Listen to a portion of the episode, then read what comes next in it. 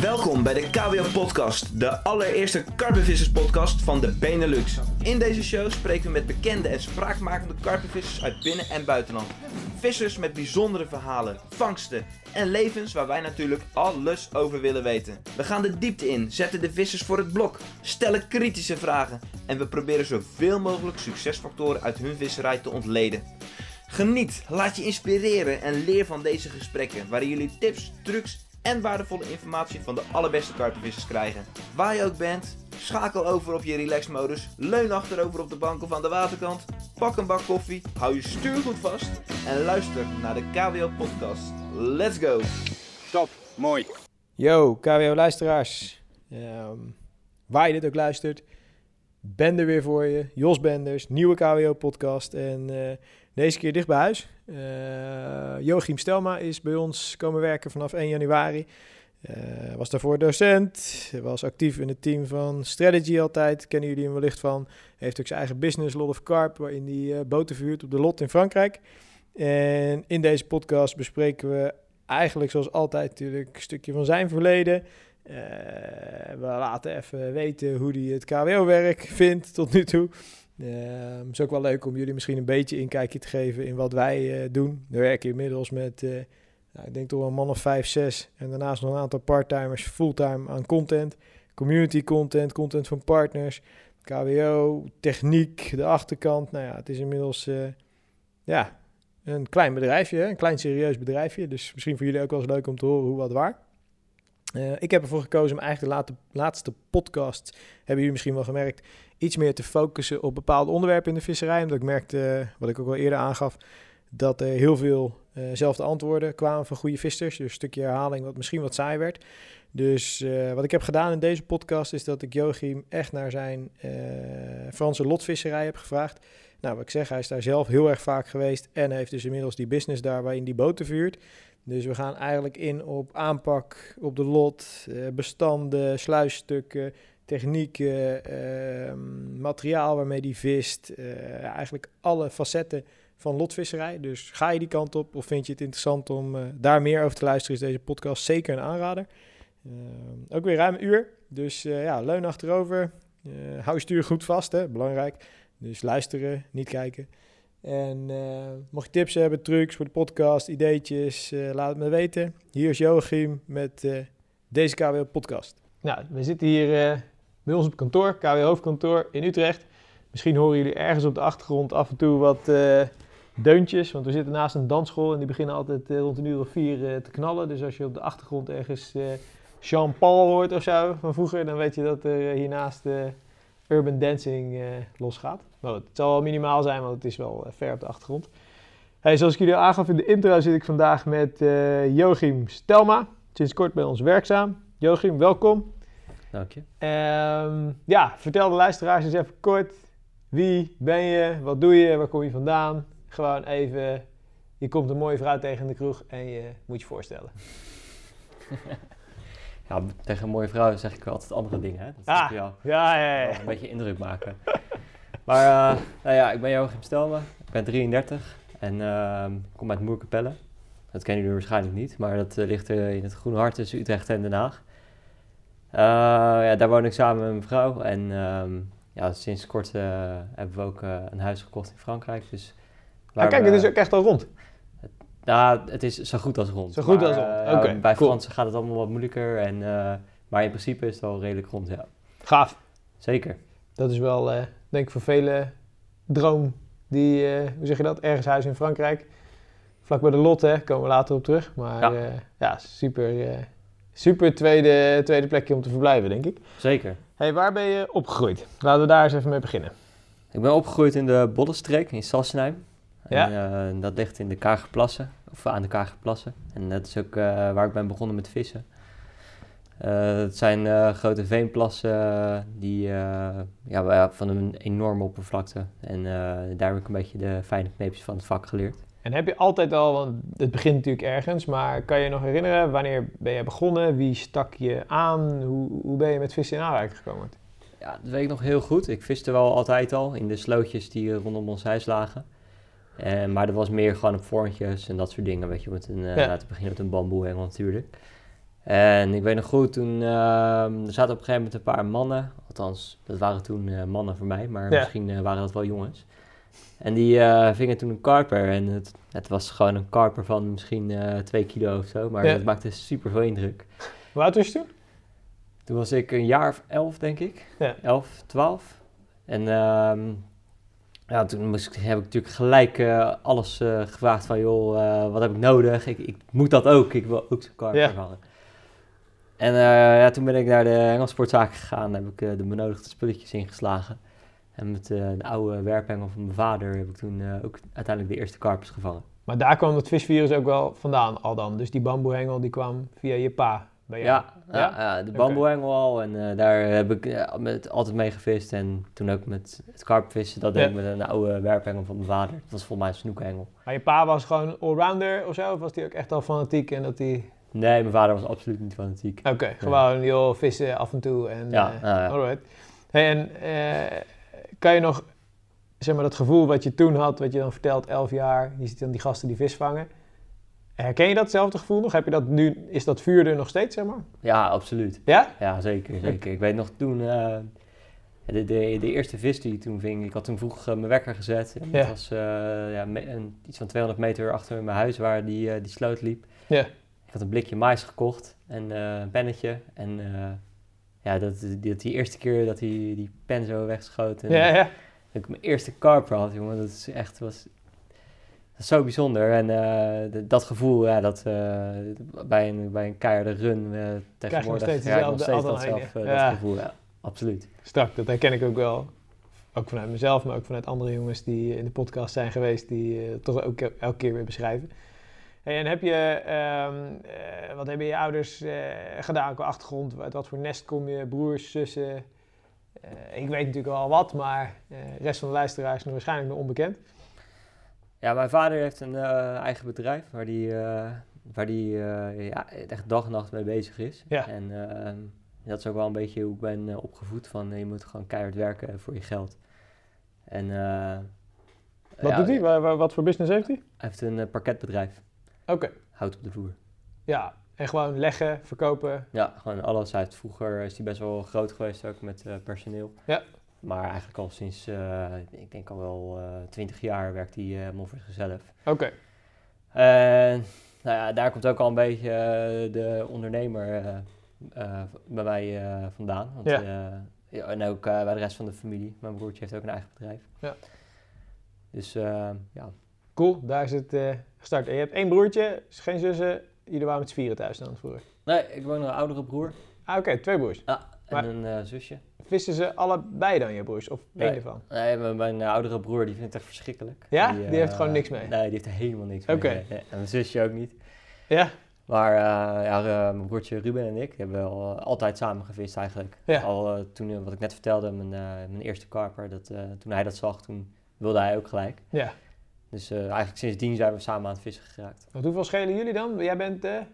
Ik ben de tweede en eh, Ruben is de laatste. We schelen zes jaar. Ah, oké. Maar wel gewoon dat virus wat hij ook uit jouw visserij eigenlijk eh, Zeker, zeker. Ja? eerst Ja, ging hij altijd mee en later is hij zelf ook op pad gegaan. gewoon ook fanatiek gaan vissen. Ja. Dan gaaf dat binnen zo'n familie dan ook een aantal het helemaal niks vinden. Ja, en hè? jullie dan zo bizar fanatiek inderdaad met die visserij bezig zijn. Alright, en toen kwam natuurlijk, eh, je zegt 11, nou dan komt de middelbare schoolperiode. Heb je doorgevist in die periode? Was je gewoon ook ongoing fanatiek? Of? Ja, nou ja, eh, wisselend. Want eh, kijk, in, in het begin viste ik vooral een beetje met broodkorsten en met de pen. Ja. En ja, toen kwam ik op de middelbare school en toen waren natuurlijk andere zaken ook belangrijk, zoals Ja. de vrouwtjes. Kijk, En, en, ehm, maar ja, op een gegeven moment kwam ik eh, weer in aanraking met een vriend van mij die ging nachtvissen en dat kende ik eigenlijk totaal nog niet. ja. Dus toen ben ik met hem eh, een nacht meegegaan. En ja, in die tijd weet je hoe het gaat. Dat, eh, met eh, een paar kratten bier erbij en eh, vrienden en eh, vriendinnetjes die allemaal langskomen. Gezellig. Dus toen werd ik eigenlijk daarmee fanatiek. En toen kwam ik pas echt in aanraking met, met het echte karpenvissen. Ja, gewoon statisch. Ja, Oké, en dat was 16, 17 of hoe oud was je? Ja, ik denk eh jaar of, eh, eh, 16. Toen, eh, ja, ik ging op de brommer altijd naar hem toe. Dus eh, Ja. was, ik- was ik 16 denk Wat had je? Zo'n eh Cita of iets? Of wat had je voor iets moois? Nee, ik was van de Thomas. Thomas Ja, had je, ja, ah. met een viskar erachter. Of, eh, ja, ja? ah, ah, gele Thomas had ik. Mooie dingen. Zeker.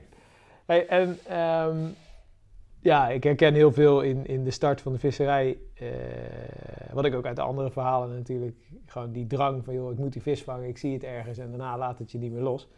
Dus daar, die parkeren we even. Ehm, we gaan even naar je middelbare schoolperiode, je studie. Wat heb je daar uitgesproken? Zeg maar even de meer ins en outs over jou. Ja, ik ben eigenlijk eh, echt een hopeloos geval geweest de, qua school. En eh, dat, dat is misschien wel gek, omdat ik natuurlijk ook docent ben. Ja.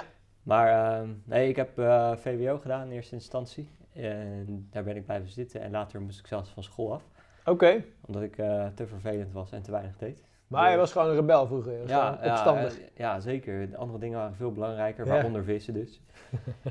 en, maar, maar ja, het heeft ook wel meegespeeld met dat ik gewoon echt niet wist wat ik wilde. En Ja. ehm, dan, dan is het gewoon heel lastig voor, als je jong bent van ja, wat moet ik nou gaan doen? Waarom zit ik überhaupt op school? Ja, waarom ben ik de hele dag ergens? Ja, Waarom zit ik daar en wat, wat brengt het me? ja dus toen ben ik bij, eh, bij mijn vader in de zaak gegaan. Ja. En eh, na, na nog geen jaar had ik wel het idee van dit wil ik echt niet met mijn handen werken. Zo, niet dat ik niet van hard werken houd, maar dat, dat was gewoon niks voor mij. En Ja. toen heb ik besloten weer naar school te gaan. Toen moest ik eh FAVO doen, dat is volwassen educatie. Oh ja, En, nou ja, Certificaten halen en ja, nou, toen heb ik eerst MAVO-examen gedaan. Dat zou je niet verbazen dat ik dat eh, natuurlijk eh cum laude haalde, met eh, niet al te veel inspanning. En toen heb ik, daarna ben ik doorgegaan met HAVO. Ja. Maar ook daar ben ik gestruikeld over de finish. Want Oeh. ja, ik had ehm, net voor mijn eindexamen ja, had ik weer een andere baan, dat ik heel superleuk vond in de evenementencatering. Dus Ja. toen ben ik daar, daar fulltime gaan werken. En dan heb ik ook mijn HAVO-diploma niet gehaald. Maar goed, dus op een gegeven moment had ik zoiets van, wil ik eh, dit nog blijven doen tot, eh, ja, tot ik oud ben? Nee, Ja. eh, nou ja, het antwoord daarop was nee. Dus toen heb ik uiteindelijk nog HBO gedaan, bedrijfseconomie. En ja, toen heb ik in het bedrijfsleven gewerkt. Ja. Dat vond ik eigenlijk ook niet zo heel leuk. Dus toen ben ik het onderwijs ingerold, nog een paar extra diploma's gehaald. En na een paar jaar onderwijs ben ik hier binnengerold. Ja, en je bent onderwijs, waar hebben we het dan over? Vanaf 7, 28 of zo dan? Of, of later? Eh 8, 29. Ja. Oké, dat je gestart bent Ja, als docent. ja. En ehm, je geeft dus aan, op een gegeven moment het commerciële wereldje eh, toch weer verlaten, als docent aan de slag gaan. Maar wat, wat trok je daarin en wat voor vak ben je gaan geven? Nou, ik kom ook eigenlijk ehm, uit een onderwijsfamilie. De Mhm. kant van mijn moeder. Komt, die hebben eigenlijk allemaal in het onderwijs gewerkt. Ja. Werken in het onderwijs. En het leek me altijd wel leuk om, eh, om ook zoiets te gaan doen. Dus Ja. toen ik eh, in eerste instantie in het bedrijfsleven eh, werkte, toen, ehm, ja, toen bleef elke aan me knagen van ik wil dit ook gewoon gedaan hebben. En zodoende ben ik daarin gerold en ik kon met een kleine bijscholing dus kon ik eh, wat die extra diploma's halen Ja. om eh, als economiedocent aan de gang te gaan. En als voortgezet onderwijs, hè? Ja. En dan onderbouw, bovenbouw, of wat heb je? Beide. Ik heb les gegeven op de MAVO, HAVO en VWO. In, Oké. eh, in eh, onder- en bovenbouw. En hoe, dan was je ook, hoe zeg je dat, eerste graad vroeg Ja. of zo? Oké, dus je mocht tot 6 VWO, mocht je ook... Ja. alright. Nou, respect dat je dat toch dan... je bent gewoon een slow starter of zo. Je moet gewoon elke keer Ja, even, even doorhebben van... hé, hey, dit is hem niet en dan ga je er weer voor. Ik heb tot vorig jaar in de schoolbank gezeten. Dus, Ja, inderdaad. Je hebt gewoon tot je 33 op school gezeten. ja. Mooie dingen. Hey, en wat eh, boeit je nog meer in het dagelijks leven, los even van vissen en eh, werk? Wat, wat spook je er meer uit? Ik hou heel erg van eten. Ja? En vooral ook het maken van eten. Zou je niet zeggen hoor, want deze gozer is eh 1 meter, 1 meter 70 en eh 65 kilo, denk ik. Maar, Ja, die, die had ik nog niet eens, denk ik. Ja, misschien na de decembermaand. Ja. Maar maar oké, je bent echt... eh, ja, ik hou echt super van koken en Ja. eh, barbecuen. eh, eh, alles gewoon alleen maar vers. En Ja. gewoon zo mooi mogelijke dingen maken. Dat, eh, vind ik echt super mooi. Oké, dat de bezig. Voetbal heb je volgens mij ook wel wat affiniteit mee, toch? Ik bedoel, je hebt altijd gespeeld. Ja, nou, niet, eh, ik heb ja, heel veel op straat gevoetbald. Ja. En eh, verder wel altijd wel fan geweest van voetbal, nog steeds. Oké, ik dacht dat je ook in clubverband nog gespeeld had, maar dat, Nee. dat is Nee. hem niet. Oké, nou, we beginnen hier al de maandagochtend met voetbalanalyse van het afgelopen weekend. Dus vandaar.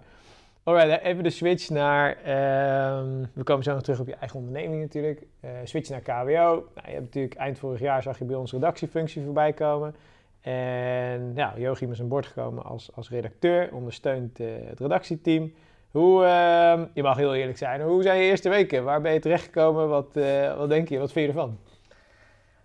Ja, superleuk. Kijk, ehm, ik ken jullie natuurlijk al jaren. En, Ja. en, en ook eigenlijk de zaak wel. Mhm. Eh, ik, ik bedoel, ik, ik heb al best wel veel geschreven en dingen Ja. aangeleverd voor KBO. Dus wat dat betreft eh, ken ik het bedrijf best wel goed al.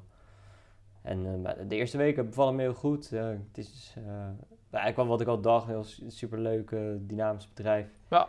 Met de nodige humor natuurlijk ook. En, De nodige bullshit, Ja, dat, hoort erbij. Dat, leuk, ja, je zit er middenin natuurlijk, hè? Ja. Dat, cool. Hey, en wat, ehm, ja, hoop gasten misschien denken dan oké, als je dan werkt bij KWO, wat, wat doe je dan eigenlijk of zo? Heb je daar dat je, ja, we hebben vandaag nog gigantische planningen gemaakt, dus tuurlijk weet je wat, eh, wat je moet doen. Maar kan je daar eens een inkijkje geven, dat luisteraars ook zoiets hebben van, ja, wat, wat spoken ze dan uit dan de hele dag, die gasten? Ja, zeker, zeker. Ja, Kijk, als jij gewoon eh, op, op KWO kijkt regelmatig of in de KWO-app, dan, denk, dan, dan besef je niet wat een organisatie er eigenlijk achter zit. Ja, om- achter al die publicaties Precies. die daar staan. ja dat, dat had ik, ik gezegd zelf ook nooit verwacht. Maar Ja. eh, ja, ja, ja, er komt dagelijks zoveel binnen aan, eh, niet alleen aan content, maar ook, eh, ook informatie van partners. Ja. Er is gewoon een enorme planning wat, wat de komende tijd online gaat komen, maar ook veel overleg in van joh, hoe kunnen we dit nog vetter en beter maken. Ja. En dat, is, dat zijn dingen waar ik aan bijdraag. Leuk. Ja, we hebben bijvoorbeeld vandaag hebben we een video opgenomen met jou. Hè. Bedoel, Daar ga je denk ik ook steeds meer in doen zo meteen. En je ziet eigenlijk dat... Het is aardig divers, denk ik, wat we allemaal uitspoken eh, hier. Jullie moeten gewoon voorstellen, jongens, we zijn gewoon een, een redactie. En een redactie die continu eh, ja, strakke content wil maken, wil publiceren. Die partners wil ondersteunen in eh, het bereiken van de doelgroep natuurlijk. Dus ja, we zijn daar eigenlijk met een team inmiddels van een man of zes, zeven, bijna de hele week fulltime mee bezig. Dus dat is ook een beetje uit de hand gelopen hobbyprojectje. Hey, en ehm, even stap naar ondernemen. Je gaf eerder in het gesprek al aan van daar komt mijn drive als ondernemer vandaan. Hè? Natuurlijk je pa, je broertje. Eh, wanneer ben je begonnen en wat, wat doe je precies? Ja, vorig jaar, nee, dat moet zeg ik verkeerd, in 2017 was dat. Toen ehm, eh, ben ik met Melanie getrouwd in Frankrijk. En we hadden best wel gelijk een klik met de mensen waarvan die locatie was. Alleen, Ja. ze hadden helemaal niks op het gebied van, eh, van huwelijken daar. Dus geen contacten met cateraars en zo. En toen wij dat allemaal op hadden gedaan, al die, eh, al die ervaringen en contacten, toen hebben we, ehm, hadden we zoiets van, ja, dit willen we eigenlijk misschien wel vaker doen, want we weten dus eigenlijk wel zeker dat er wel een markt voor was. Ja.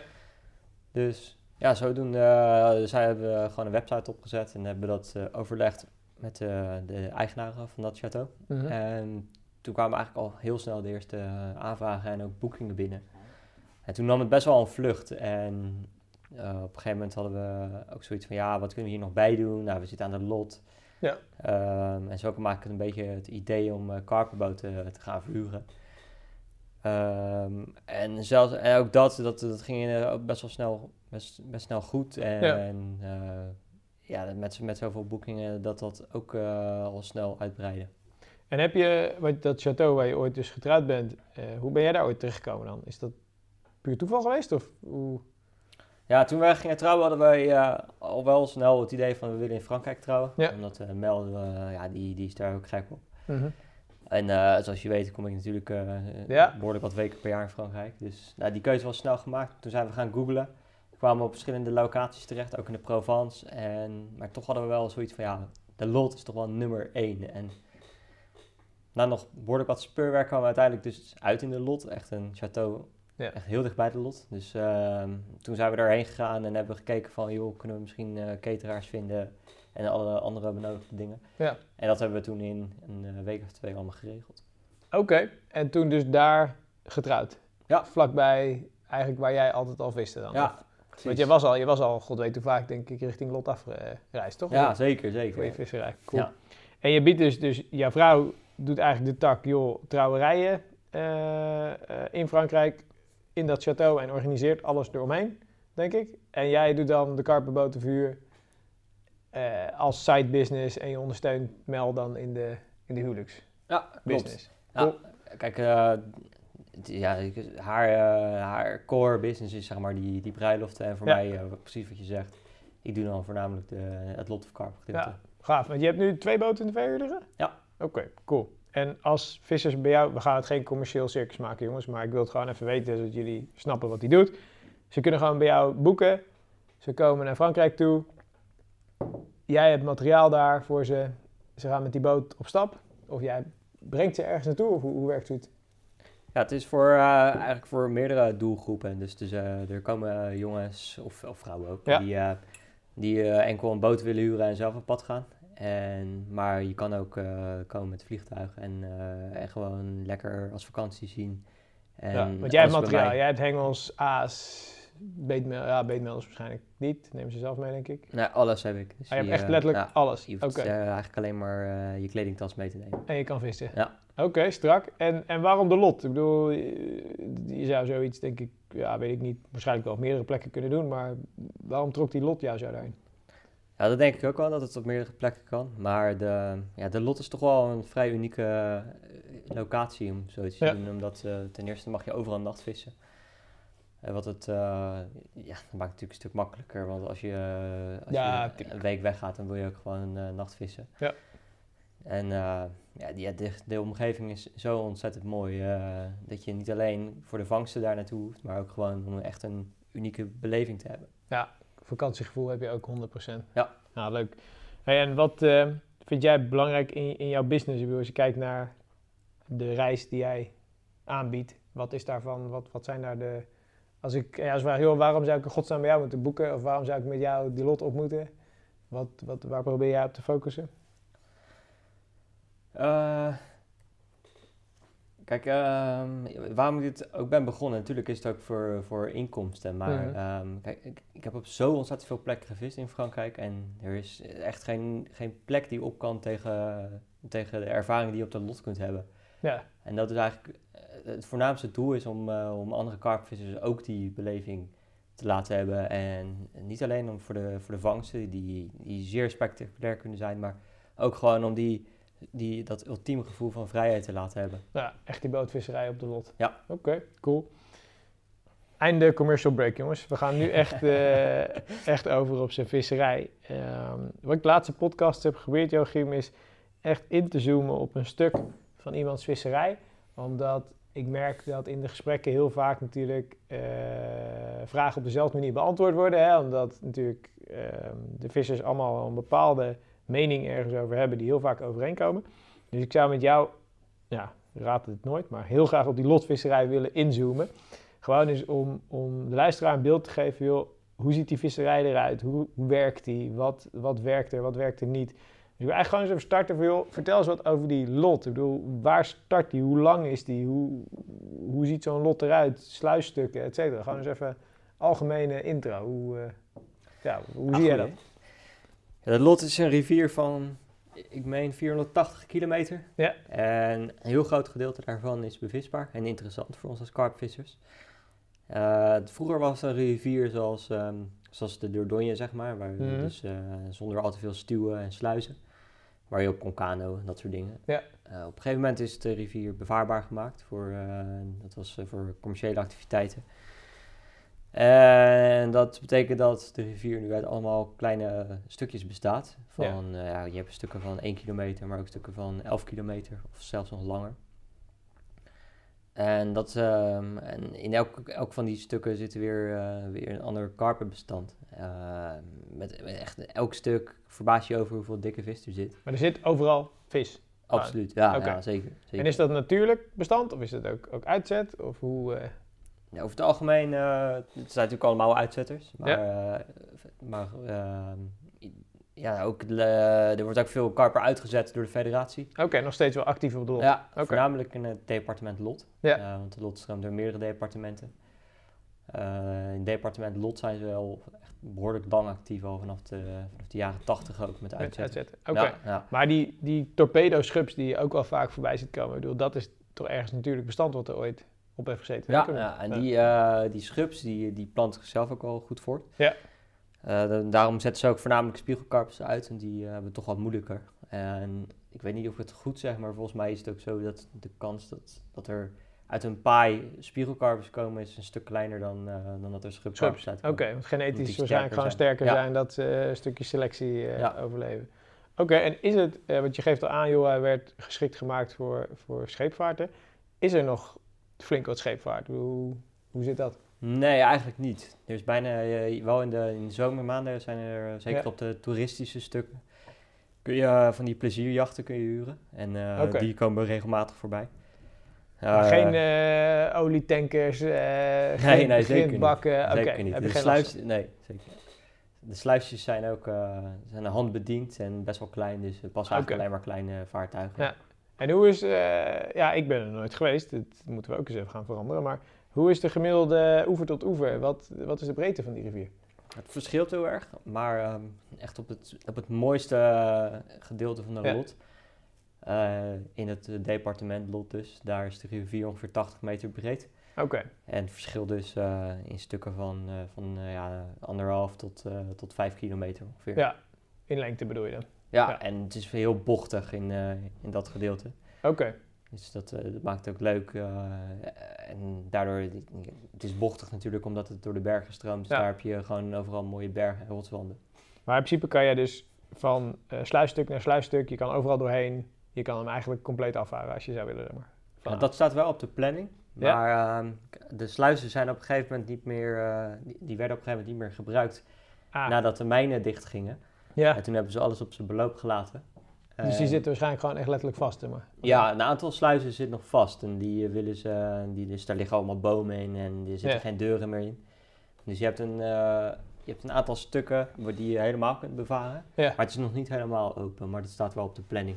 Oké, Maar ja, Franse slag hè. ja, dat eh, duurt waarschijnlijk even. Hey, en hoe ben jij in aanraking gekomen ooit met die visserij? Ik bedoel, er is een moment geweest dat je dacht, ik ga ook naar die lot toe of zo. Hoe, hoe- kan je daar wat over vertellen? Ja, het was in eh, 2007 of 2006 eh, zelfs. Toen ehm, ging ik voor het eerst naar Frankrijk. En het was een vriend van mij die had wel eens een huisje gehuurd aan de lot met zijn familie. Ja. En die had daar toen best wel goed gevangen. Dus nou ja, hij vroeg op een gegeven moment van, joh, eh, zullen we een keer met z'n drieën gaan? Dus ook nog met een andere vriend van mij erbij. Ja. En dat was de eerste keer dat we daar kwamen, was in juni. En ik weet nog goed, de lot was, was overstroomd. Het was eigenlijk bijna niet te vissen. Uh, dus we hebben vooral bij het zwembad gelegen. En uh, ik was de enige die nog wel een paar vissen ving die, uh, die week. Maar uh, ja, dat was de eerste keer. Dus dat was de eerste keer dat ik daar in aanraking mee kwam. En wat gewoon, zeg maar, natuur plus ervaring, dat greep je gewoon meteen? Of hoe? Nou, niet direct. Het was wel gelijk dat ik zoiets had van, hey, dat riviervissen vind ik wel heel vet. Ja. En, maar vooral ook het vissen in Frankrijk was toen voor mij de eerste keer. En dat, ah, eh, oké. Okay. Zoals echt combi... eh, Ja, ja. En, Cool. ehm, maar niet per se eh, dat, ik, dat ik gelijk daar verliefd op was. Maar Ja. vooral over het algemeen vissen in Frankrijk. En wat, want je zegt dan, joh, riviervisserij vind je vet. Eh, ik kan me er wel wat bij voorstellen, maar wat, wat trok jou daarin, zeg maar? Wat, wat vond je strakker dan, dan gewoon een put of een groter openbaar reservoir te bevissen? Wat, wat vond je daar strak in, zeg maar? Wat... In eerste instantie de artikelen van Leon Hoogendijk die toen in de magazine stonden. Oh, ja, ja, ja. En die, eh, ja, ja, precies. Dus eh, ja, ik was toen eh, met Chris ging ik toen regelmatig naar Frankrijk. En we hadden zoiets van, die gaan wij sowieso ook vangen, die vissen. Ja, Nou, daar kwam natuurlijk niks van terecht. Maar toen we een paar keer op de rivier geweest waren, de Saône, de Moselle, de Rhône. ja. Toen hadden we wel zoiets van, ja, dit is wel, vinden we wel echt het vetst. Zeker ook toen we ook nog op putten en andere meren gevist hebben. Ja. Dan hadden we toch wel elke keer zoiets van, eh, ja, die rivier die trekt ons toch wel het meest. Oké, wauw. Het is, eh, ja, hoe zeg je dat? Elke, elk type visser heeft zijn eigen voorkeuren natuurlijk daarin.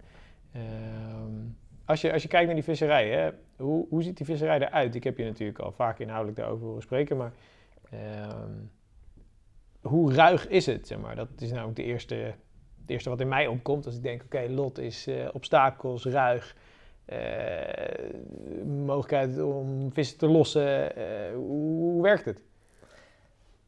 Ja, Ja, de, de lot is een, eh, lijkt eigenlijk in, in niks op andere rivieren in Frankrijk. Het is, Ja. ehm, het, het is veel idyllischer, ziet het eruit. Het is eh, wat smaller. Ehm, en, maar goed, het kan ook heel, wel heel ruig zijn. Eh, de- zeker in de, de wintermaanden dan... Ja. Dat is gewoon bizar hoe hoog die dan op een gegeven moment komt. En dan eh, wat hij allemaal meeneemt aan, aan bomen, takken. Want En jij mij eh, wel verteld, 6 meter hoogteverschil heb je. Ja, ja. Maximaal natuurlijk, extreme versie, maar Ja, soms wel hoger zelfs. Het, Ja. is, eh, het, is, het zijn filmpjes van overstromingen van vorig jaar dat Ja. gewoon een dorp eh, bijna half onder water staat. zo, ja. Oké, Dus eh, ja, en dat ligt natuurlijk ook allemaal onder water, al die bomen die meegenomen worden. Ja. En, eh, en dat maakt de visserij heel moeilijk. Vooral omdat, eh, kijk, het beetkrijgen is niet per se heel lastig, alleen wel eh, de vis binnenhalen op een Ja. verant- verantwoorde manier. vislanden is echt een ding. En als je dan je visserij daar bekijkt, hè, we gaan daar zo meteen nog veel dieper op in hoor, maar heb jij jouw visserij en ook de visserij voor je klanten daar ook helemaal op aangepast? Is dat zo anders dan wanneer je hier een put bevist en eh, letterlijk met 3500ste recht toe recht aan eh, uitpakt? Ja, zeker. We hebben, ehm, we hebben wel ten eerste, voor als mensen ook eh, spullen bij ons willen huren, Ja. hebben we gewoon de, de materialen die voor de lot geschikt zijn. Oké. Eh, Maar wat heb je nodig? Zwaardere hengels? Gewoon 3,5 lb of zo? 3 lb? Ja, ja, om in ieder geval goed druk te kunnen zetten. Ja. En een extreem sterke gevlochten lijn en dito voorslag. Ja. Met grote haken. En, Ja. ehm, en natuurlijk het bekende bovensysteem. Ja, gaan we zo verder op in. Hè. Dat ja, ben ik wel heel benieuwd naar hoe je dat toepast en eh, hoe het werkt. Ehm, wat ook in mij op zou komen, ik zie natuurlijk die lot eh, op internet voorbij komen, in magazines. Hoe bekend en druk is het er inmiddels? Nou, dat is heel gek, want het is... Eigenlijk als ik zo terugdenk aan vorig jaar, toen eh, zijn we eigenlijk vrijwel geen andere karpvissers tegengekomen. En Oké, de, de, de lot staat enorm in de picture, ook Ja. in Frankrijk. Ja, eigenlijk in elk magazine staat er wel een artikel over de lot. Alleen is het wel vaak zo dat de, de vissers allemaal naar dezelfde plekken gaan. Eh, er zijn een paar stuwstukken waar dan een, een eh, aantal bekende vissers zwemmen. Van 30 kilo of meer. Ja. En ja, daar zitten ze gewoon allemaal achteraan. Het is, het is eigenlijk hetzelfde als op putten en meren. Weet je, vissers die gaan toch eh, snel naar dezelfde stukken toe. maar je hebt nog genoeg ruimte om gewoon uit te wijken, fatsoenlijke vissen te vangen en niet dat je continu vissers tegenkomt, toch? Ja, Dat- absoluut. Die, kijk, die vissen die zwemmen, die zwemmen overal. El- Elk stuwstuk heeft eh, grote vis. En Ja. de locals zeggen zelfs dat op elk stuwstuk al zijn zeg maar een kilometer dat daar vissen van meer dan 25 kilo zwemmen. Dus eh, er zijn echt zoveel plekken die nog onbekend zijn, maar Ja. vaak ook gewoon onbereikbaar met de auto. Waardoor, Ja. je, eh, waardoor, waardoor er gewoon minder gevist wordt. Ja, en waardoor je dus ook al niet direct last hebt van kantvissers, omdat het gewoon simpelweg niet kan natuurlijk. Wordt er gesleept met die vissen van stuw tot stuw? Dat is natuurlijk altijd eh giswerk, maar Ja, er werd heel veel gedaan. ja. Eh, zeker, ehm, kijk, er, is- er waren daar ook eh, privéwateren, betaalwateren. Ja, waar vis van de, van de lot in zwemt. En toen was er ook niet echt regelgeving voor. Dus ja, ja, kun je dat echt kwalijk nemen? Dat weet ik niet. Daar wil ik ook geen uitspraak over doen. Ja. Maar ehm, omdat dat toen veel gebeurde, hebben, hebben locals ook vissen versleept van stuwvak tot stuwvak. Zeker Ja. als er dan een grote vis, som die er regelmatig uitkwam, dan zetten ze het in een ander stuwvak over. ja, ja, dat gebeurde dus wel. Ja. Oké, en, en als je dan eh, het hebt over drukte, eh, de stukken waar jij vaak vist, ehm, ja, vind je eigenlijk dat er genoeg ruimte is om nog steeds je eigen ding te doen. Dus op het moment dat ik nu eh, volgend voorjaar voor de eerste keer naar de lot wil, heb jij zoiets van, joh, het is 480 kilometer, er zijn genoeg stukken waar je echt gewoon, ja, hoe zeg je dat? Geen last hebt van andere vissers in de zin van dat je geen stekker kan vinden ehm, en simpelweg achteraan moet sluiten. Dat, eh, Ja, 100 procent. Ja. Je komt eigenlijk geen afgetrapte stekker tegen op de lot. Je Nee. komt nooit afval tegen, dat soort dingen. Nooit sporen van andere vissers. En eh, ik vind het ook het mooist om eh, juist weer op een nieuw stuwvak Ja. te gaan proberen. Om te kijken van, goh, wat kan ik hier vangen? Wat gebeurt er? En eh, Ja, wat ja. heb jij dan nu, zeg maar, een stuk van eh, hoeveel kilometer waarvan je zegt van, nou, daar weet ik wel een klein beetje wat er gebeurt. Is dat, eh, is dat één stuwvak of zijn dat er meerdere achter elkaar? Ja, we, kijk, om nog een beetje terug te komen op het bedrijf. Wij laten, Ja. laten iedereen eigenlijk elke keer op andere stuwvakken vissen. Wel waar we natuurlijk wel redelijk wat van weten. Maar ook daar zie je elke keer weer, weer andere vissen eruit komen, nieuwe vissen. En ook op stuwvakken waarvan je denkt, eh, waar ik bijvoorbeeld ook veel gevist heb, waar je denkt dat je wel een redelijk beeld hebt van het bestand, kom je toch vaak ook... Als Ook gewoon verrassingen nog die eruit ja, zeker. Ook met observeren. Dan, of met de drone of vanuit het bootje zie je vissen zwemmen waar, Ja. waar je echt denkt van, hoe kan het? eh, Dat je die nog niet gevangen die, ja, precies. En maar is dat dan, zeg maar, dat zijn vijf, zes stuwvakken? Of hoe moet ik dat voor me zien waar jij van weet van, nou, daar, daar vis ik, zeg maar. Ja, ik- nou, wel een stuk meer. Ik heb echt wel een heel groot gedeelte van de lot bevist. Ja, Eh, en eh, omdat ik het ook leuk vind om elke keer weer naar een nieuw stuwvak te gaan. Omdat je dan weer een nieuwe omgeving hebt. Maar ik ben, ik ben op nog geen één stuwvak uitgevist. nee, Eh, oké. Overal nog wel eh, ja, ja. uitdagingen en eh gaaf. Gaaf, gaaf. Hey, en bestand, hè? we hebben al even gesproken over uitzetten en natuurlijk de natuurlijke schub eh, aanwas daar. Hoe divers is het? Ik bedoel, type vis, bouwvis, gewichten, wat, wat kan je een beetje verwachten op het gemiddelde stuwstuk? Als je kijkt in het departement van de lot, eh, daar, eh, daar zitten de- toch wel de meeste spiegels, denk ik. Ja. En eh, kijk, daar vang je ook wel de, de, de bekende riviertorpedo's. Maar dan is het een beetje 50-50. Dus dan zitten er ook regelmatig spiegels bij die Ja. eh, in de jaren 80 onder andere zijn uitgezet. Het zijn echt van die oude karaktervissen, Oké, hooggebouwd. Gaaf. En die, eh, ja, daar doe ik het eigenlijk voor. Ik vind dat, vind dat zulke mooie vissen, van die, Ja, van die dat trek je. rivierspiegels. Ja, En als je kijkt naar gemiddeld gewicht, waar heb je het dan over eh, op zulke stukken? Heb je daar een beetje een gevoel bij? Wat, verschilt. eh, natuurlijk, zoals overal. Kijk, je hebt het, zoals op elke rivier is er een, wel een soort van piramidebestand. Dus Ja. dat betekent dat er gewoon de, de kleinere vissen zijn in grotere getalen aanwezig. Maar ook al zou je die wegdenken, dan zit er ook gewoon een, echt wel een goed bestand aan, vissen, aan, aan veel vissen van boven de 15, 16 kilo. Oké, En eh, op elk stuwvak, al, al zijn het stuwvakken van, van 1 of 2 kilometer, daar zitten echt meerdere vissen aan boven de 20 en soms zelfs 25 kilo. ja, wat je zei. Ja. Oké, dus echt wel genoeg potentieel. Ja, en, ook- ja, en veel, heel, veel, heel veel dertigers zitten erbij. en vang je ook wel veel kleine vis gemiddeld? Of valt het op zich nog wel mee? Het verschilt een beetje eh, per seizoen. Ja. Lijkt het toch op dat, eh, dat, dat de grotere vissen eh, een bepaalde voorkeur hebben. Of dat je vaak grotere vissen tegelijk vangt. Ja. Ik heb ook al eens gehad de- dat we eerst alleen maar kleine vis vingen. En dan eh, in één nacht meerdere 20 kilo vissen. Gewoon omslag. En dan heb je idee waar dat vandaan komt? Heb je een gevoel, zeg maar, wat dat kan triggeren of zo? Ja, misschien dat ze toch in, in scholen zwemmen. Of Ja. dat ze, dat, dat ze zo'n voerstek domineren. En qua seizoenen, is dan kleine vis, zie je dat meer voorjaar, najaar? Wat is jouw ervaring daarmee? Eh, in de eerste instantie dacht ik dat het niet veel uitmaakte. Omdat, ehm, eh, zeker omdat ik toen ook in de zomer gewoon echt veel grote vis ving.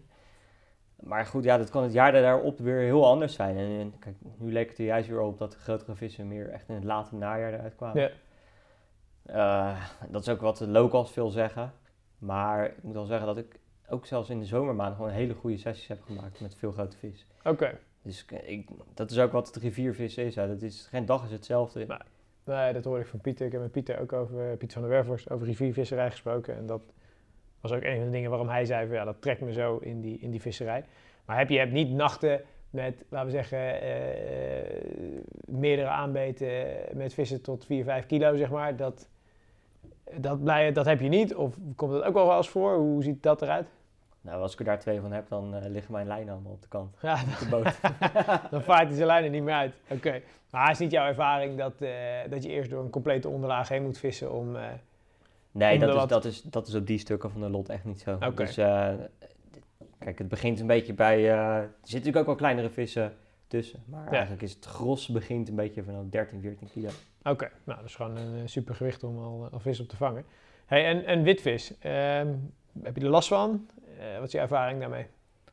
Ja, daar, daar kan ik al eh, kort over zijn. Daar heb je zeker last van. Oké, Ja, maar eigenlijk alleen als je niet op de vis zit qua karper, wat de karper betreft, dan Ja. vang je witvis.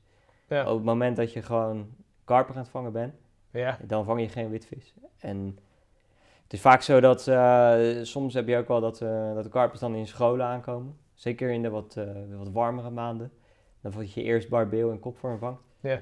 En daarna pas karper. En als je helemaal karper gaat vangen, dan vang je ook geen witvis meer. Oké, wat is je gedachte daarachter? Want je zou denken dat die witvis wel gewoon in de buurt blijft op het moment dat die karpers beginnen te azen, toch? Ja, ik heb toch wel het idee dat de, dat de karpers dan eh, de stek domineren of zo. Ja. En eh, ja, dat, eh, dan, dan het is heel gek, maar dat is me wel vaker opgevallen. Dat je gewoon op een gegeven moment dat dat stilvalt dan. eh, want die bijvangsten, barbeel, meer, meerval, kopvoorns, wat, wat komt er allemaal uit, zeg maar? Dat- Ja, vooral kopvorms en barbelen. Oké, En, eh, en dat maakt ook wel... eh, kijk, als je succesvol wil zijn, dan, Ja. dan is het vooral het doorzettingsvermogen wat je moet hebben. Omdat, het kan zo zijn dat je s'avonds eh in één keer vijf, zes kopvorms achter elkaar vangt. Ja. En weet je, het is juist diegene die dan elke keer weer ze de moeite neemt om die, die lijn in het wier te positioneren. En uiteindelijk gaan die carpets ook komen. Ja. Maar ja, je moet wel dat doorzettingsvermogen hebben. Ja, en heb je, eh, als jij kijkt, je hebt natuurlijk heus al wat trucjes om selectief te vissen. Wat doe jij met je montages, met je laatste meters, met voer, om, om die witvis een beetje eh, te elimineren? Wat ik heb geprobeerd en wat op zich wel werkt, is de her langer maken. En eh, soms Ja. zit er dan wel 4 centimeter tussen. tussen. Tussen haakbocht en aas. Ja, ja. Oké, wauw. en dat lijkt wel te werken. Ja. Ik heb ook al geprobeerd met eh, tot 2 30 mm bolies te vissen. Ja. Maar ze- gek genoeg vang je ze dan ook gewoon. Ook gewoon haken. Ja, Ja, is gek. We hebben dat ook gehad in, in Marokko. Er staat ook een video op de community. Waar we gewoon letterlijk echt met kanonskogels vissen. En haken we ook gewoon echt karpers van, nou, ik denk 1, 2 kilo. Waarvan je echt denkt van, Ja. hoe kan je jezelf haken? Maar dat krijgen ze toch voor elkaar. En heb je als je die haakbocht zo, eh, of sorry, die haakbocht, die her zo lang maakt, hè, heb je dan niet het idee dat er continu met je haakaas gespeeld wordt? Ja, dat is gewoon zo in riviervisserij. Ja. Dat moet je gewoon accepteren. Dat moet je gaan accepteren. Oké, Ja, je, je kan niet op een rivier vissen met... eh, als je ja, gewoon wil dat je een richt... grindplaatje. perfect blijft ja, oké, dus daar moet je gewoon, dat moet je gewoon uit je hoofd zetten. Zeker. Oké, en heb je qua, qua eh, voer, heb je nog specifiek dat je zoet of vismeel, wel niet particles, pellets, heb je daar een hele, ja, hoe zeg je dat, een hele duidelijke mening van, joh, zo vlieg ik het aan en dat is succesvol voor mij? Nee, ehm, wat ik altijd doe, en dat heb ik eigenlijk op afgesloten water doe ik dat ook altijd hoor, eh, is het mixen tussen, eh, is mixen van zoet aas en vismeel, eh Ja. bolies. Gewoon omdat het lijkt er toch op dat, dat bepaalde karpers toch een voorkeur hebben voor een bepaalde aardsoort. Ja, Waardoor je, ja, je, je wil gewoon met allebei vissen, in mijn optiek. Nou, grappig dat eh, Mark, exact, eh, Mark Hofman exact dezelfde mening, dat hij zegt van ja, ik wil gewoon zeker weten dat ik die vissen aanspreek die er dan zijn en niet een bepaald Ja. type vis mis, omdat ik dan net niet. Het is ook natuurlijk ergens wel logisch. Ik bedoel, Ja. als wij ergens komen en we moeten allemaal eh Chinees all-in vreten, dan loopt misschien ook een deel gewoon door. Zich is natuurlijk een hele logische gedachte. En, en doe je wel eens wat met particles en pellets, of is het eigenlijk gewoon niet te doen, zeg maar, met die witvis? Krijg je vieze handen van, hè. Dus, Ja. eh, Krijg je vieze handen van. Oké, dus die zitten er eigenlijk niet, niet in jouw visserij. jawel, jawel. Ik voer ook wel met mais. Ja? En dan echt grote hoeveelheden. Ja. Omdat, kijk, het trekt ook wel witvis aan, maar weet je, het trekt ook karper aan. Ja. Zo denk ik altijd maar. En weet je, dan neem ik die paar kopvorms of barbelen maar voor lief. Ja. Maar eh, 100% dat de karper aantrekt. En ik vis ook wel met tijgernootjes hoor. En dan eh, soms zelfs wel met, eh, met een rits van 10 onder de, onder Ja. de haak. Oké. En heb je dan, ehm, als je kijkt naar jou, want je bent natuurlijk dan af en toe bezig met klanten eh, te verzorgen, naar stekker te brengen. Hoeveel visserij is er dan nog daadwerkelijk op de lot voor jezelf bij? Zeg maar vis je dan in periodes ook echt nog wel weekenden, weken? Hoe ziet dat eruit? Ja, afgelopen jaar heb ik te weinig gevist. En eh, dat, dat komt gewoon omdat eh, ja, je bent, bent twee bedrijven aan het opstarten. Ja. Naast, een, naast een bijna fulltime baan. En dan, eh, ja, dat is gewoon heel lastig om dan nog... eh, die, kijk, het is niet lastig om de tijd per se te vinden om eh, naar de waterkant te gaan. Maar wel om de, echt de, de focus daarop te hebben. Ja, de rust, de rust in je kop om, Ja, om, om geconcentreerd te vissen. Ja, dat snap ik wel. Dat snap ik wel. Hey, heb je echt een boot nodig voor die visserij? Dus ook stel je voor je rijdt gaan vanuit Nederland, je pakt je spullen, je gaat die kant op. Zijn er genoeg stukken waar je vanaf de kant wat kan doen? Of zeg je ja, je moet eigenlijk gewoon wiens boot het dan ook is, of je eigen boot of van iemand, maar eh, boot is wel sleutel tot meer Ja. succes. ja eigenlijk wel. Eh, tuurlijk is er ook vanaf de oevers te vissen. Ja. Maar de, kijk, wat ik al zei, de lot is zo anders dan andere rivieren. Het is zo eh, dat, dat de vissen best wel sectorgebonden zijn. Mhm. En als jij er dan net niet kunt komen met de auto, dan dan- al zit je er 50 meter naast, dan Ja, vang goed. je gewoon niet. Nou, Dus kijk, je, het is niet per se dat je vanaf een boot moet vissen, maar het is zeker aan te raden om wel boten mee te nemen om in ieder geval dan je spullen mee te verplaatsen. Dat je wel op de goede plek kunt zitten. Want is het wel mogelijk om eh, letterlijk, eh, stel je voor ik heb een grote Zodiac, eh, lot op te varen en dan al varende eh kantstekjes te vinden? Of is het zo begroeid en boomstammerig zeg maar dat, dat, dat er weinig kantstekken begaanbaar zijn? Ja, het is wel grappig, want dat verschilt eigenlijk per jaar. Als je, Oké, omdat de lot wel meestal wel een beetje overstroomt eh, in het vroege voorjaar. ja. Dan kan het zijn dat stekken, kantstekken die er nu zijn, dat die er gewoon volgend jaar niet meer zijn. Ah. Dus, maar er zijn zeker plekken te vinden. En, eh, Waar je gewoon je ding kan ja, doen. maar verwacht niet dat je met een eh, grote tweepersoonstent aan de waterkant kunt zitten. Nee, inderdaad. Gewoon, wat dat betreft, die luxe die, die zit er niet bij. En je had net al over natuurlijk het, het overstromen hè, en dat het ruig kan zijn. Ehm, is er, heb je veel last van, van drijfvuil en van stroming? Hoe, eh, hoe is dat van invloed op je visserij? Ja, kijk, eh, daar heb je zeker last van. Omdat, en zeker ook omdat je het... eh, het kan zomaar in één keer gaan stromen. Ze gebruiken de barrages om elektriciteit mee op te wekken. Ja. En ook in de zomer kan het zomaar zijn dat ze dan in één keer dat ding opengooien en dat het vol gas gaat Maar stromen. dat betekent gewoon dat de sluizen open gaan en vervolgens stroomt het letterlijk gewoon weg natuurlijk naar het volgende Ja. stuk. Ja, Kunnen die vissen dan ook naar het volgende stuk? nee, nee, ze gooien niet de sluis open, maar ze hebben van die turbines bij de Ja. barrages waar ze die elektriciteit mee opwekken. En ze pompen het water doorheen. Hoe het precies werkt, weet ik ook niet. Maar die barrages, zitten die dan op elk stuk? Of zitten die... Nee, niet overal. Sommige plekken hebben ze alleen zo'n eh, zo'n overstort, zeg maar. Ja. Om eh, het waterniveau mee te, te managen. Ja.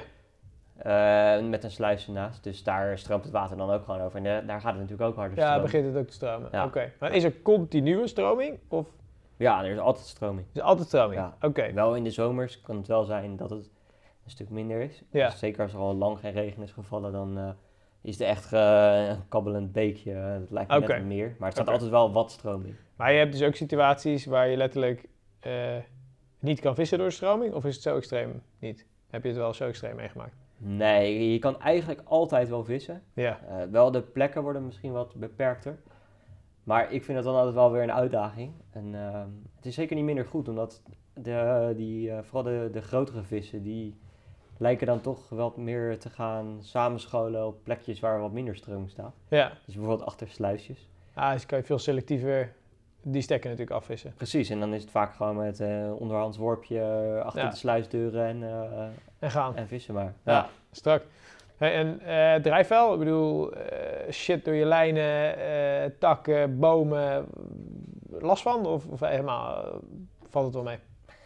Heb je wel last van, maar eh, ik heb daar van de locals geleerd dan. eh, Ja. Het vissen met breeklijnen. En hoewel ik daar eerst niet zo'n fan van was, dan doe ik eigenlijk nu niet anders. En mijn eh, klanten vinden het ook echt prachtig. Het is Ja. echt een, eh, het is super effectief. En je verspeelt er ook minder vis door. Dus Ja. eh, wat we veel doen is, omdat je ook dus niet mag varen op de lot van eh, half acht 's avonds tot negen uur 's ochtends, heb je ook geen last van bootverkeer die door je Mhm. lijn heen gaat. Dus je knoopt je lijn eh, naar de overkant. Ja. En dan eh, laat je hem zakken, dus dan heb je er helemaal geen last meer Ja, dus we hebben het even eh, hè, eh, visueel. Je lijn loopt boven water. Ja. Dus letterlijk halve meter, meter boven het water. strak naar de overkant toe.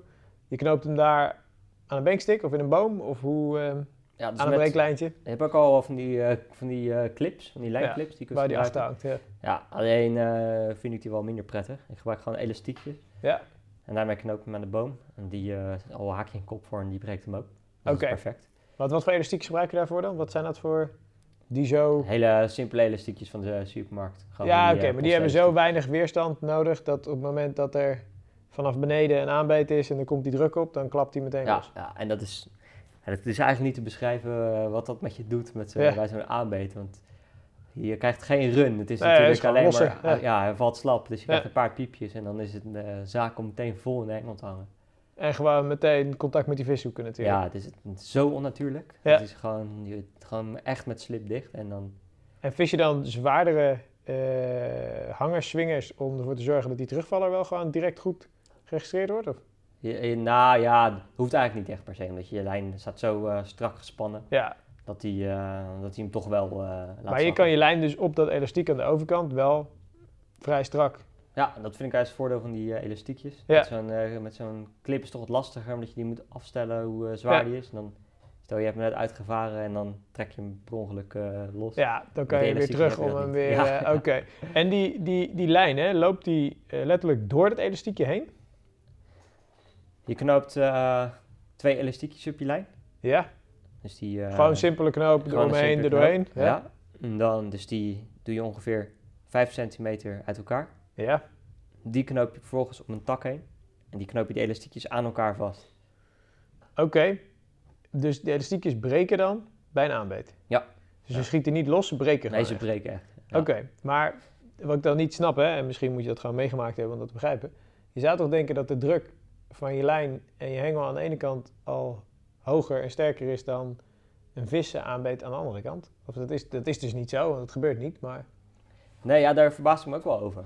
dat ze niet gewoon al knappen omdat jij letterlijk eh, je, je, je, je molen opdraait, zeg maar. Ja, precies. Maar ja, er zit natuurlijk een beetje rek in, dus in dat elastiek, waardoor je... Ja, Kijk, je moet natuurlijk wel een beetje met beleid doen. ja. Maar ehm, nee, nee, in principe eh, breekt dat... eh, je brengt hem gewoon op spanning en dat eh, oké. Dus je kunt in één keer een klap die je krijgt in plaats van dat je rustig je... Ja, tuurlijk. Het is gewoon in één keer klats. Ja. Gaaf. En je vertelde mij wel eens eh, ehm, die aanbeten, doordat natuurlijk de lijn komt vanaf de oever van de overkant, heeft die vis ook het idee dat die vanaf die kant gehaakt wordt. Of Ja. Oké, dat is Ja. gewoon echt eigenlijk 9 van de 10 keer wat er gebeurt. Die vis die zoekt gewoon het wijd op, zeg maar. Ja, ik had... Midden eh, van de rivier. Ja, precies. Nee, ehm, dat is ook... eh, toen ik zeg maar, de eerste keer zo ging vissen, toen eh, zei ik ook van... "Yo, Durf je die lijn dan zo dicht tegen de tak aan te leggen? Ja. Maar ja, het zijn wel de plekken waar de vissen azen. Ja. En die... maar goed, toen leerden ze mij dus van... Ja, maar op deze manier, je kunt misschien beter juist zo vissen. Omdat die vis heeft het idee door die druk vanaf het elastiekje even, dat je Mhm. daar vanaf daar, dat het gevaar daar vandaan Ja, komt. ze schieten de andere kant op als het dus, ze zwemmen juist de rivier op. En dan wat je al zegt, oké, je krijgt dus een aanbeet, die lijn valt slap, elastie, dus elastiekje breekt, lijn valt slap, je hebt die terugvaller. En dan is het eigenlijk gewoon op elk, elke terugvaller, zakker, moet je gewoon hangen.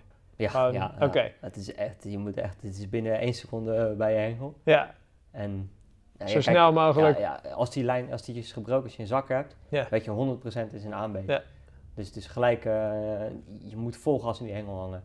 Oké, en dan ook, je zegt al slipdicht.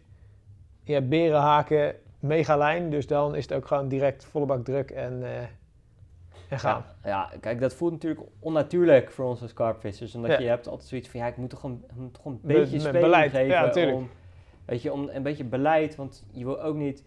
Je denkt misschien van, ja, oké, als ik mijn slip helemaal dicht doe en ik ga volle bak trekken, dan heb ik of kans op lijnbreuk, of dat die haak lost. Ja, haak maar je, kan beter dat hebben, dat de haak lost. En kijk, kans op lijnbreuk heb je in mijn eh, ogen dan niet, omdat we vissen met zulk sterk Ja, materiaal. dat kan Dan dat je de kans hebt dat die vis zich alsnog vastzwemt en je hem ook kwijt bent. En Ja. die vis misschien dan vast zit met een stuk voorslag. Ja, dat, dat wil je niet. Oké, en, en je hebt dan natuurlijk eh, die drill, hè? ga je die vissen halen? Eh, want jij mag natuurlijk officieel niet meer varen. Dus je drilt die vis vanaf de boot. Klopt. Eh, kijk, ehm, of dat echt niet mag, de- met zo'n bijbootje eh, de Ja, rivier op. daar is wel een grijs, Ja, grijs gebied. Ja, dus ja, wat je doet, ehm, je, ik hou altijd die, ik, ik probeer hem eerst gewoon de rivier op te trekken. Ja.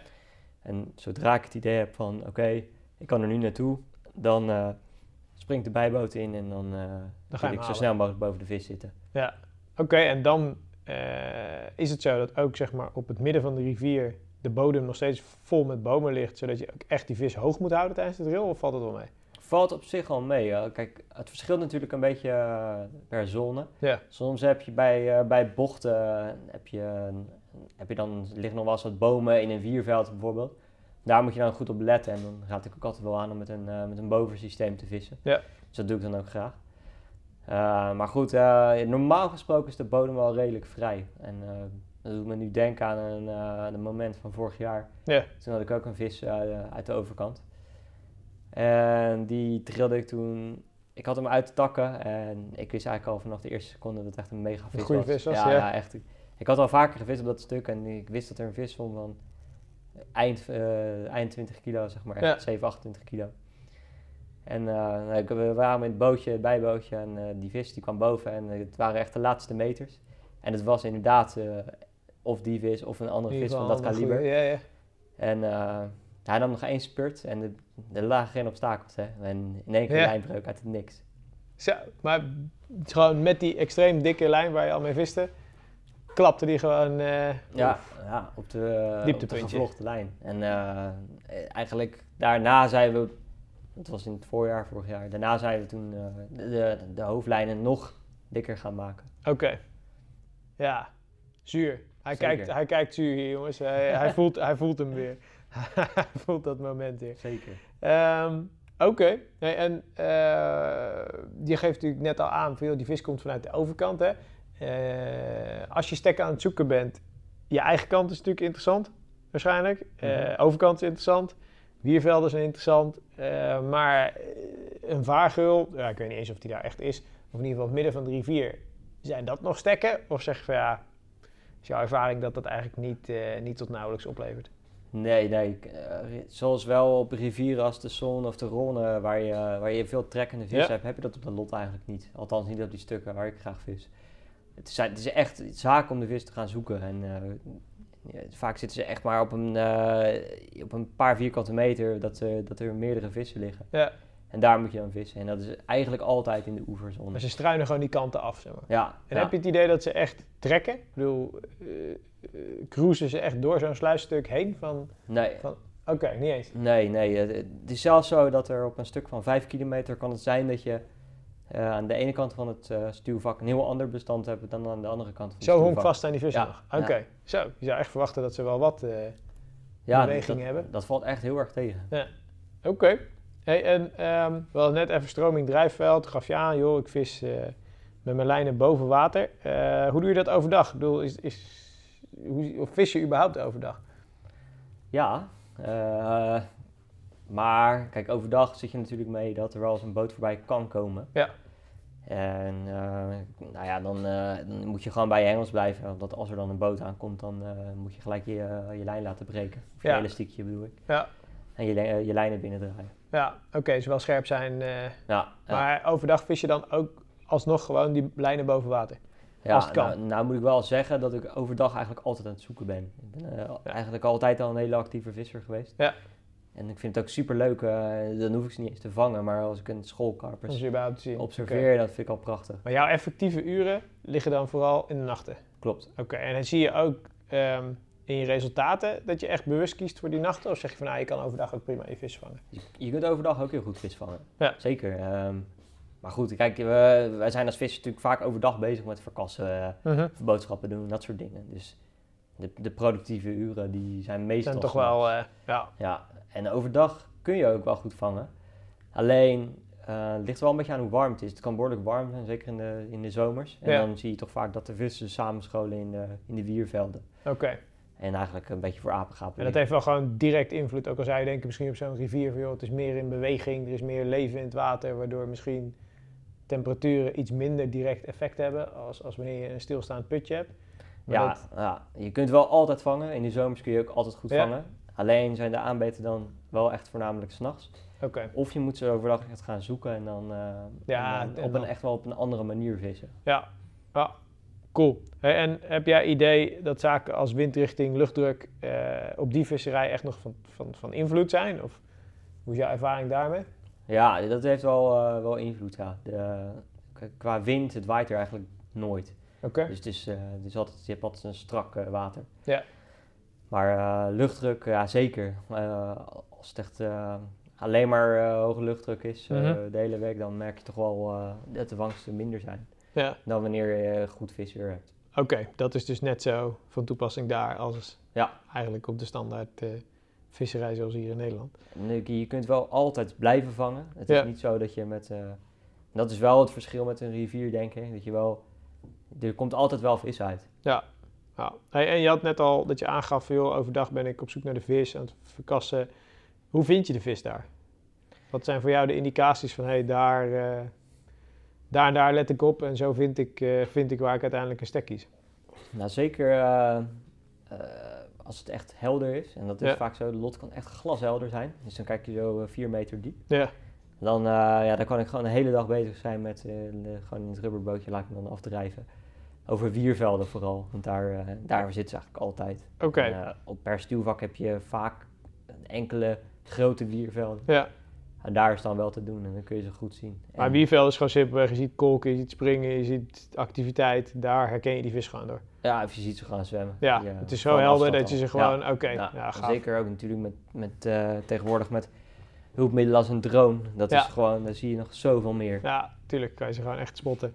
En hoe, ehm, als je dan vis in zo'n wierveld vindt, hè, eh, stel je voor je kiest dan om die nacht in de buurt van het wierveld te vissen, vis je dan in het wier, er tegenaan, erop, eronder? Wat, wat is daar je aanpak? Ja, echt pal erin. Oké. Dus ja, ehm, laat me gewoon afdrijven over zo'n wierveld. Ja, En eh steek mijn hoofd onder water met een duikbril. ja, ja, Met een grote zaklamp eraan. Dus voor als het eh, s s'nachts is. ja. En dan leg ik hem echt midden in het wier. Op ehm, eh, vaak ondiepe plekken van eh, nog geen meter diep. Maar zoek je dan schone plekken of leg je hem gewoon echt letterlijk op het wier of zo? Of hoe? Nou, het is, het is geen bodemwier. Het zijn van Ja. die, eh, misschien zijn het wel waterplanten. Ik weet niet precies hoe je het noemt. Maar Ah, oké. Ja, ja. Het zit dus alleen in de bodem vast en dat, dat spreidt zich zo helemaal uit. Dus als je er overheen laat drijven, dan denk je van oké, dit is echt alleen maar beplanting. Ja, Maar er zijn wel genoeg schone plekjes waar je neer kunt leggen. oké, maar je zoekt echt wel schone plekken op de bodem. Ja, Je vist dus ja. niet op wier, om het zo maar te zeggen. Je vist er gewoon echt tussenin. Ja. Oké, cool. En heb je idee, eh, want er staat waarschijnlijk ook niet zo heel veel water dan in het wierveld, of niet? Nee, meestal maar een meter tot twee meter, zoiets. Maar als je Soms dus wel. eroverheen jezelf laat afdrijven, die vissen, eh, die blijven wel in de buurt. Dat is gewoon je ervaring dat je ze niet afschrikt. Of, Ja, ik probeer altijd heel stil te doen. Maar ja. kijk, ehm, het is ook zo dat je... ehm, die, die, als die vissen, als je die in het wier ziet, Ja. die eh, meestal vangen die niet overdag. Die, eh, dus wat we dan vaak doen is gewoon voordat de nacht, al ruim voordat de nacht begint, dan Mhm. posi- positioneer je die hengels. Ja. En dan, ehm, en, en dan in de nacht gaan ze daar azen op die plekken. Oké, dan verwacht je ze dat ze echt actief worden. Ja. die vissen. Cool. Hey, en jouw laatste meter, hè? je gaf net al aan natuurlijk, eh, voorslag. Hoe dik? Waarmee vis je eh, voorslag? Waar, hebben we het dan over? Ja, dus de eh, voorslag is eh, 80 lbs. 80 Dus, eh, lbs. ja, in sommige gevallen hoor. Ik Ja. wil zeggen, kijk als het in wiervelden is, dan is het dan weer niet zo gevaarlijk. Ja. Dus dan, ehm, dan kun je wel wat, eh, wat, wat lager gaan, omdat het Ja. dunner is en wat minder zichtbaar voor de vissen.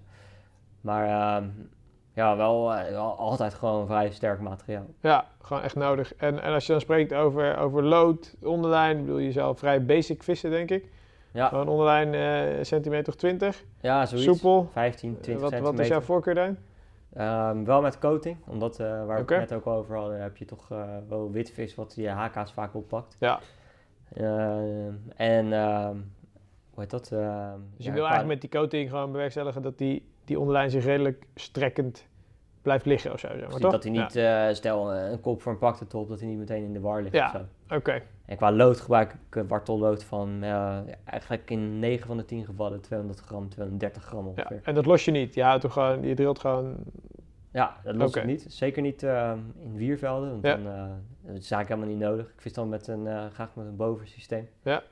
Je, eh, de vis is daardoor zo van slag op een of andere manier dat je er gewoon heen kunt varen. En je ziet natuurlijk gelijk al aan die fles waar de vis zich Ja. bevindt. En, Want even, we hebben, we hebben het al een paar keer genoemd, hè, maar bovensysteem is natuurlijk het systeem om, om, om lossers te voorkomen. Hè. Ehm, leg even uit voor gasten die er nog nooit mee gevist hebben. Ik heb er ook nog nooit mee gevist. Ik ken het wel, maar nog nooit mee gevist.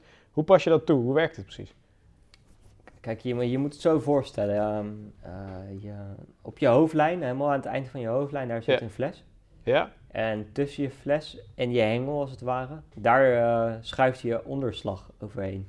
Je Dat- onderslag. Onderslag noemen Ja. we het eventjes. Oké? Eh, het is, die kun je variëren in lengte. Ja. En die lengte die je die onderslag maakt, dat is eigenlijk de, de lengte waarvan je vanaf de bodem afvist, zeg maar. Ja. Meestal maken we een meter diep. Dat betekent dat je, je lijn drijft altijd een meter boven de bodem. Oké. Dat betekent dat je, ook al liggen er obstakels... Want die fles tussen- geeft hem voldoende weerstand. Ja, Oké. Maar dat, dus... Want die fles is een soort van dobber. ja, Toch? Ja, een soort van wel, ja. Ja. Maar dan zou ik toch denken, als jij een goede vis eraan hebt, heeft hij toch voldoende power om zo'n fles... eh, Ja, ik gebruik meestal wel een fles van anderhalve liter.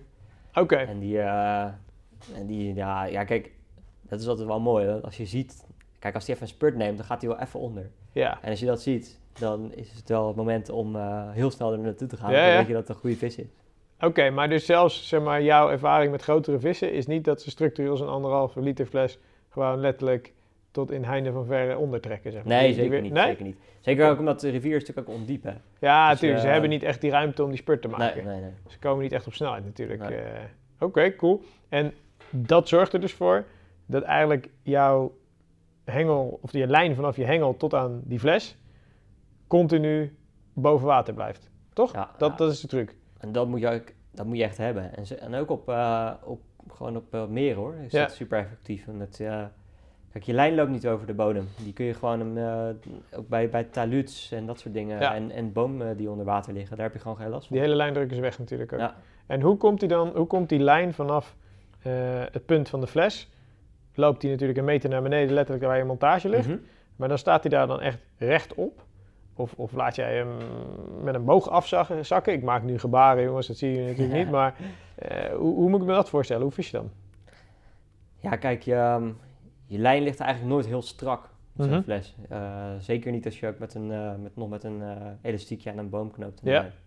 Daar vlakbij. Ja. Omdat natuurlijk ja, je lijn die boven water loopt, loopt wel strak. Maar Ja. niet, niet het gedeelte wat naar je haka's gaat. Nee, dat ligt toch nog steeds in een, in een, in een plooi, zeg maar. zeker, zeker. even. En, eh, en dat is ook iets waar ik wel echt in geloof. In slappe lijnen. Ja. Als het echt strak loopt, dan, eh, dan heb ik toch gelijk wel wat minder vertrouwen. Ja, natuurlijk, dat die vis ook wel weten hoe of wat. Ja. En hoe loopt die, hoe zit die fles op die hoofdlijn? Met een, eh, ik maak altijd een, zo'n ringbout. Zeg ik dat goed? Ik ben niet zo in de, in de Ja. plus, Ja, termen, ja, maar ja.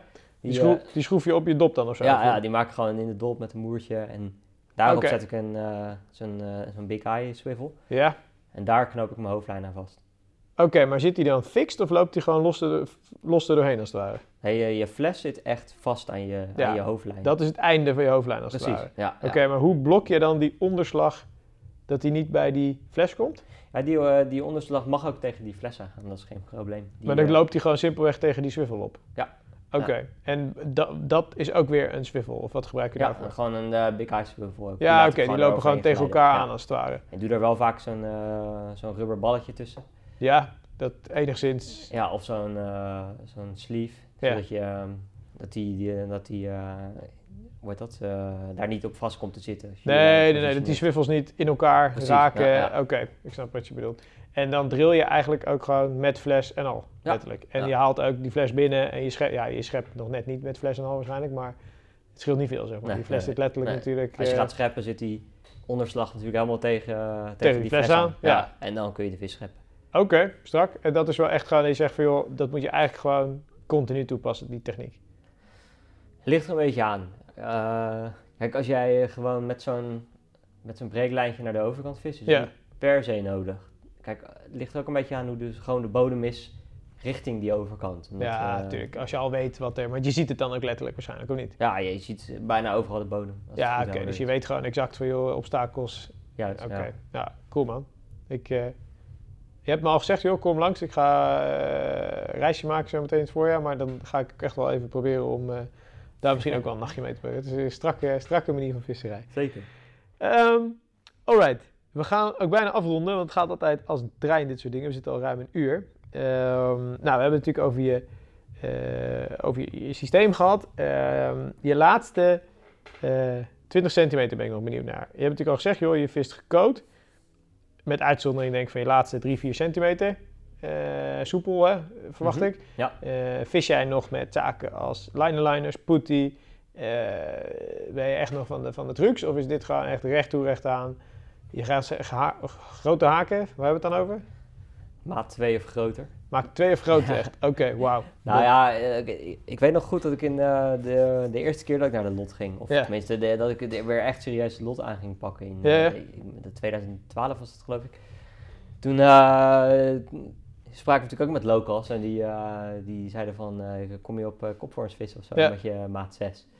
En later ben ik dat wel steeds wat, wat groter gaan vissen. eh, omdat je dat, ja, weet je, zeker om die, die druk op te voeren heb je wel echt wat staal nodig. Ja, het is gewoon vlees pakken, Ja. genoeg vlees en daarop vertrouwen dat je, oké. Ja, En hoe is jou, want als ik dat hoor denk ik meteen van, oké, grote hakens, ja, ik weet dat het niet zo is hoor, maar schade, eh, grotere wonden, et cetera, et cetera. Hoe is je ervaring daarmee? Ik bedoel, Die, eh, die bekken van de vissen op de lot die zijn echt zo hard. Ja? Ja, ja, die, die- ik heb eigenlijk nog nooit een karp gevangen daar die, eh, die schade aan zijn bek heeft. Oké. En natuurlijk ook die vissen die komen er eh, gewoon niet heel vaak uit. Dus, eh, Nee, tuurlijk. Dat, eh, dus, dus haakmaatje 2 of groter zelfs. Ja, ja. En, en dan haakaasformaat, is, wat is gemiddeld bij jou? Waar vis je mee? meestal 25 mm. 25. Ja, en dan eh, één of twee aan de her of een beetje Ja. eh Ah, versneden. dan nog, eh, speel je nog met snowbands of weet ik wat, of is het gewoon echt recht toe recht aan visserij? Dat, Ehm, nou, snowmans eigenlijk niet heel veel, omdat dat Ja. toch net even wat meer de aandacht trekt van kleinere vis Ja. of van eh, witvis. Maar wel, eh, kijk, een lijnenlijner, ja, dat zet ik altijd wel op voor het vertrouwen. Maar verder eh, vind ik vooral van belang dat, dat de haak gewoon heel, heel scherp, scherp is. Dat gewoon, Ja. dus ik vis eigenlijk ook elk, bij elke vis, of elke keer als ik mijn lijn opnieuw uitvaar, doe ik ook een nieuwe onderlijn aan. Dat is een beetje gewoon voor het vertrouwen. autistisch misschien van mezelf. maar- voor het vertrouwen. Oké, en je vist met gewoon wartellood, maar wel fixed. Denk ik, oh niet? Gewoon vast. Je laat hem niet schuiven, je bent niet... Je Nee, niet nee, Oké, Gewoon, eh, ik, wil, ik wil hem ook liever niet verliezen. Want eh, Nee. eh, als ik bij elke aanbeet, eh, als je tien kopvorms vangt. of zo, ja, vertelde je wil daar gewoon niet... eh, dan ligt er wel heel veel in zo'n Ja. bierveld. Oké. Hey, ehm, laatste vraag die ik wil stellen over die lotvisserij. Eh, hoe is die dressuur? Ik bedoel, hoe moeilijk is het inmiddels op die stukken? Is, die, is er dressuur? Of is er overal natuurlijk wel waar gevist wordt, maar merk jij het? Of? Nou, kijk, de Lot is wel gewoon echt een moeilijke rivier. En of dat nou per se door dressuur komt, weet ik niet. Maar de vissen zijn gewoon echt moeilijk vangbaar. Ja. En soms dan, eh, dan zie je zoveel vis en dan denk je echt van, nou, deze nacht Bingo. wordt echt rossen. Ja, En dan krijg je soms ook snel al een run hoor. En dan, eh, maar dan blijft het de rest van de nacht stil. Of je vangt helemaal niks. ja, Dus kijk, eh, of dat nou echt door de dressuur komt, dat, dat, dat weet ik niet. Maar kijk, natuurlijk, net als op elk ander water kennen ook de vissen op de lot klappen van de zweep Ja. wel. Ja. En, eh, maar ja, ja ehm, nee, dressuur is er in, in principe niet. Eh, je hebt wel stek dressuur natuurlijk op plekken waar heel veel Ja. gevist wordt. Maar je hebt niet dat je de extreme trucs moet gaan uithalen die op sommige circuitputjes nodig zijn om je vissen te vangen. Dat is hier helemaal nog niet. Nee, nee. Oké, cool. Ehm alright man, ik denk dat we nog eh, een uur vol kunnen lullen over deze visserij. maar we gaan naar het laatste deel van, eh, van de podcast. Ehm, heet kiezen of delen. Misschien heb je het wel eens gehoord. Gewoon eventjes op gevoel keuzes maken. En eens even kijken of we wat meer van jou eh, naar boven krijgen. Boot of kantvisserij? Bootvisserij. Ajax of Feyenoord? Ajax. 10 voet of 12 voet? 10. Zoet of vismeel? Vismeel. Een bekende 26 kilo spiegel van een circuitput of een onbekende lotschub van 21 kilo? Lotschub. Oeh, hij blijft puur, deze purist. Blond of brunet? Sorry? Blond of brunet? Ik pak alles. We kunnen niet meer knippen? Eh, klassieke muziek of death metal? Dead metal. Economische crisis in zicht of voorlopig nog economische bloei? Economische crisis 100%. 100% Oké, we waren even shortcut, want jij hebt gewoon echt... Op kantoor spreken we natuurlijk ook wel eens over. Jij verwacht gewoon letterlijk in 2019 nog dat we echt een, een, een tik gaan krijgen. Ja, ja, zeker. Zeker. Oké. En ah, zonder dat we daar een uur op verder gaan, wat denk je dat de, wat is de motor? Gewoon de economie stagneert of waar zit, waar zit het probleem? Nou, zoals eigenlijk altijd heb je gewoon een, eh, de- altijd een aantal jaar dat het heel goed gaat. Ja. En eh, we zitten nu ook in een soort van bubbel. Je ziet het aan de huizenprijzen, die stijgen eigenlijk veel te hard. Eh, en Het gaat er gewoon, is het eraan. bijna geen werkloosheid. Dus bedrijven kunnen ook niet meer uitbreiden. Nee. Eh, ja, kijk, het is ook nog een beetje een gevoel. Hè? En economen die beweren natuurlijk altijd dat ze gelijk Ja. hebben, dus in deze ook. Verder is hij heel optimistisch hoor. Ik bedoel, Joachim, altijd, altijd vrolijk, altijd positief. Dus wat we gaan doen, het is nu 17 januari 2019 als we dit opnemen. Nou, voorspelling economische crisis. Mocht het in 2019 nou echt met de kloot... Sorry voor mijn taalgebruik. Mocht het echt slechter gaan, nou, dan weten we dat hier een econoom met kennis zit. Maar anders dan eh, hè, hoeven we deze man ook niet meer te geloven op eh, dit gebied. Eh, VVD of PVV? VVD. Een weekje vissen met je vismaat of een weekje vakantie met de vrouw? Mevrouw luistert dit toch niet, dus het eerste. Haha, je weet het nooit, hè? nooit meer vissen, nooit meer seks? Oh, Dat is wel lastig, ja. Eh, ja, nooit meer seks. nooit meer seks. Het is echt gewoon, echt een visser is het. Bizar. Inmiddels beginnen de beats hier op de achtergrond ook. eh, het is eh, zes uur. Ik denk dat nu de, de schuurklas die begint Ja, aan de beats te horen. Oké, Joachim, dat waren ze. Wat ik aan jou wil vragen is of jij nog een afsluitende boodschap hebt of iets wat je vissers wil meegeven. waarvan je denkt van joh, dit wil ik nog, eh, nog delen. Eh, kijk, eh, in je visserij, doe gewoon vooral wat je echt het leukste vindt. Ja. Dus eh, laat je niet gek maken door, door, eh, door, een door, Door KWO, of door magazines, door- gewoon ja. echt altijd wat je gewoon leuk vindt. ja, Dat is denk ik het belangrijkste. dan blijf je het langst genieten van die Ja. hobby ook. Hè? Hey, en als jij een tip moet geven voor een volgende gast die ik eens zou moeten vragen voor een podcast, een visser in jouw netwerk, wie, waarvan zeg je, joh, die heeft, die wel wat te melden? Verhaal, vangsten, wie, wie zou je daarvoor aandragen? Ja, zo, daar weet ik er wel aardig wat van hoor. Maar eh, ja, Mark Breedveld, denk ik. Mark Breedveld, oké. Ja, en met zijn maat Jan Zwarthoed. Die Ja, zou je eigenlijk samen moeten Ah, dat zou wel primeur zijn inderdaad, als we een keer een podcast doen met twee, eh, met twee vissers. Ik eh, ga daar eens even over nadenken. Voor nu, Joachim, wil ik je bedanken voor, ja, voor deze podcast. Cool om te horen. Jongens, als jullie vragen hebben over Joachim, zijn lotvisserij, zijn eh, reismogelijkheden, eh wat is het makkelijkste? Even op Facebook ben je bereikbaar, Zeker. reageer je. Ehm, nou, hij is eh 24-7 online. Moet hij van ons, hè? moeten we allemaal zijn. Dus reactie krijg je sowieso. Ehm, als jullie tips hebben voor andere gasten, laat het mij weten. Kan in de comments op dit artikel of gewoon even een mailtje naar jos.karpenwereld.nl. En wij zijn er weer met een week of vier ruim genomen. Ik ga proberen om het weer vaker eh, te doen dit jaar, omdat we dus redactioneel wat extra krachten hebben, waardoor we die eh, doorloopsnelheid kunnen verhogen. Maar voor nu is het even over en sluiten. Bedankt voor het luisteren en eh, tot de volgende.